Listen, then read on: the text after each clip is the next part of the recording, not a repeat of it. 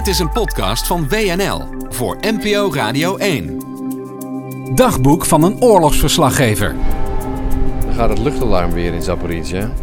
Maar echt niemand reageert erop. Ook niet na dus weer nieuwe raketinslagen in Kramatorsk. Hans-Jaap Melissen in Oekraïne. Ja, net wakker geworden in Zaporizhia. Een hotel met inderdaad nog veel kamers gevonden. Eh, Kamers die ook deels gevuld zijn door een eh, aantal militairen. Die hier even op verlof zijn, denk ik vooral. Eh, Ik zag ook eentje met eh, ja, in uniformen, dan in burger geklede eh, jonge dame ernaast. Ze ontmoeten hier ook hun vrouwen soms. En het was een rustige nacht, denk ik. Ik was moe, dus ik, slaap soms ook door bepaalde dingen heen. Gisteravond laat kreeg ik nog van eh Pasha een appje. Is er nou iets bij jullie vlakbij neergekomen? Heb je iets gehoord, een knal? Ik heb niks gehoord in ieder geval. Soms zijn er verwarrende berichten en hij zit zelf in een wijk, ja, een beetje een buitenwijk van Zaporizhia. De afstanden zijn enorm en dan komen de berichten binnen. Ja, eh, er zou iets daar en daar zijn ontploft. En soms lijkt de knal ook s'avonds harder en dan lijkt het dichterbij. Nou, in die oorlogsverwarring gaan mensen met elkaar contact zoeken. Maar waar wel duidelijk iets is neergekomen, dat is in Kramatorsk. Dat is hier nog een end vandaan, maar dat is een plaats waar ik ook veel geweest ben. En daar is een winkelcentrum geraakt waar ook een bekend restaurant in zit. En in Kramatorsk, vlakbij Bakhmut eigenlijk ook, daar is niet zo heel veel open als het gaat om eetgelegenheden. En eh, ja, wij noemen het altijd eh, Ria Pizza in de journalistieke volksmond. Ria Lounge heet het geloof ik. Dat is een restaurant dat heel bekend is bij hulpverleners, journalisten, eh, ja, militairen ook komen daar eh, eten halen. Gewoon iedereen die in Kramatorsk actief is. En Kramatorsk is een militaire hub. Belangrijk voor de aanvoer van troepen. eh, met een treinstation ook trouwens. Een treinstation dat vorig jaar, eh, volgens mij was het 8 april, geraakt is door een eh, raket waarbij tientallen wachtende vluchtelingen geraakt werden en doodgingen.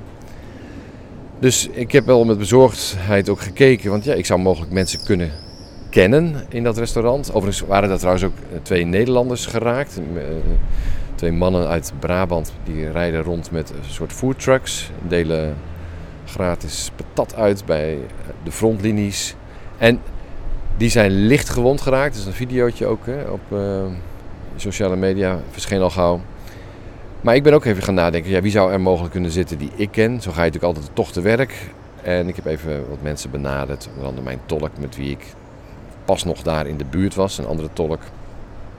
En eh, die is veilig, maar die zit in Kharkiv op dit moment. En, maar ik weet nog de afgelopen keer, toen zaten wij in een plaatsje ja, wat buiten eh Kramatorsk. Het was nog de afweging, gaan wij vanavond eten in Ria Pizza? Of eten we gewoon hier lokaal in, in dit kleine plaatsje? En ik vond toen lokaal eh, goed genoeg. Ook al is die pizzeria dan beter. Maar ja goed, ik las al eh, verslagen van journalisten die zeiden van ja, ik was er net weggegaan. Ik had net mijn pizza op. Iemand die werd weggeroepen voor een belangrijk interview. En miste daardoor de raket en heeft daardoor zijn leven nog. En zo gaat dit natuurlijk wel in oorlogsgebied. Je kunt allemaal verhalen horen van mensen die dingen overleefd hebben. En die kunnen vertellen, ja, ik was er net niet. Of ik zou er net naartoe gaan. Dat is toch een beetje, ik wil niet altijd toch een beetje flauw geworden eh, woord Russische roulette gebruiken. Zeker in deze context niet. Maar het is wel wat het is, denk ik. Je, je hebt hier een verhoogde kans op pech. Je kunt daarin manoeuvreren en voorzichtig zijn. Maar soms sta je ergens voorzichtig te zijn en komt juist daar de raket. En is het op die plek waar, waar het gevaarlijker is, eh, misschien juist veiliger. Ik heb zelf tal van voorbeelden meegemaakt in allerlei landen. Waarbij ik twijfelde om ergens naartoe te gaan. Daar toch naartoe ging. Nou ja, prima kunnen werken. En dan bleek de plek waar ik eigenlijk had willen wachten, dat die geraakt werd. Nou, het leven is onzeker in oorlogsgebied. Maar toch gaan we weer gewoon aan deze dag beginnen.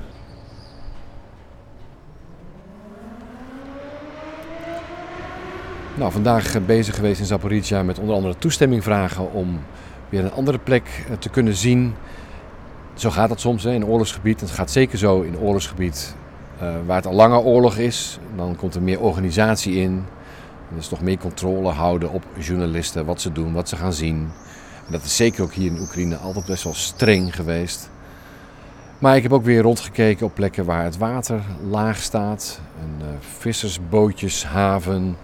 Ja, een beetje uh, van alles nog door elkaar. Maar het is een klein haventje vlakbij de rivier, de Dnieper. En dat haventje heeft eigenlijk geen water meer. Je kunt altijd niet meer met een bootje naar de rivier varen. Dat mochten die mensen sowieso niet meer sinds het begin van de oorlog. Uh, we zullen een beetje zicht houden op wie er allemaal op de, op de wateren zit. Maar ja, die mensen maken zich vooral zorgen. Hoe lang blijft dit zo? En het water zakt nog steeds. Elke dag weer zoveel centimeter. Dus die maken zich enorm zorgen over de toekomst. En ook heel veel zorgen om de kerncentrale hier verderop. Uh, die uh, ja, is gevuld ook met explosieven, zeggen de Oekraïners, door de Russen dus. En die zou een ramp kunnen gaan veroorzaken. Maar ja, zijn mensen hier dan voorbereid? Ja, ze kunnen niet zo heel veel doen, zeggen ze dan. Uh...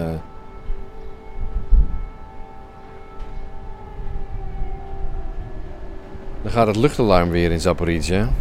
Maar echt niemand reageert erop. Ook niet na dus weer nieuwe raketinslagen in Kramatorsk. Nobody's reacting to it, Spasha. Yes, it, nobody. Everybody live their simple life. But they see pictures from Kramatorsk. Rockets will land somewhere, but nobody. And so what? What we can hide in? I don't believe because uh, when rockets arrived to Zaporizhia, air alarm uh, switch on after five minutes, maybe two minutes, three minutes. Wat cynisme rond het luchtalarm komt voort uit uh, dat er vaak gebeurd is dat de raketten al zijn gearriveerd en dat pas daarna het luchtalarm aangaat. Dus ja, men is het niet meer helemaal gaan vertrouwen. En ja, hier vandaag is al meerdere keren de luchtalarm gegaan. Dan, dan reden we ergens, dan hoor je het in de verte. En ik zie echt niemand erop reageren. Terwijl de regering dus heeft opgeroepen daar wel degelijk iets mee te blijven doen. En misschien dat sommige mensen hoor, mensen zeggen, ja die zie je niet, want die zitten dus dan al in de kelder. Maar ik, alle mensen die ik spreek, die zeggen dat ze er niks mee doen. En laten we hopen dat al die mensen terecht buiten de schuilkelders blijven, dat er niks gebeurt. En dan ga ik morgen weer gezond en wel op pad om te kijken hoe de autoriteiten zich hier voorbereiden op een eventuele kernramp. Um, hoe ze er ook voor oefenen. Dit is een podcast van WNL voor NPO Radio 1.